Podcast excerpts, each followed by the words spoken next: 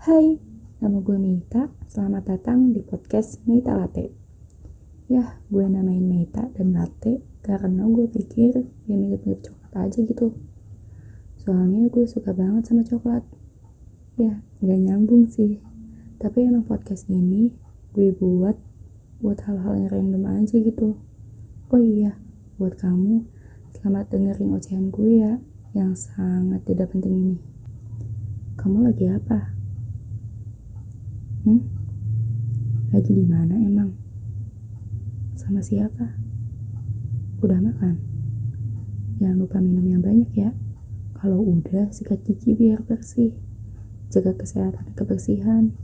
Ingat kata Oski, selamat malam. Jangan lupa cuci kaki dan tangan, juga doa sebelum terpejam.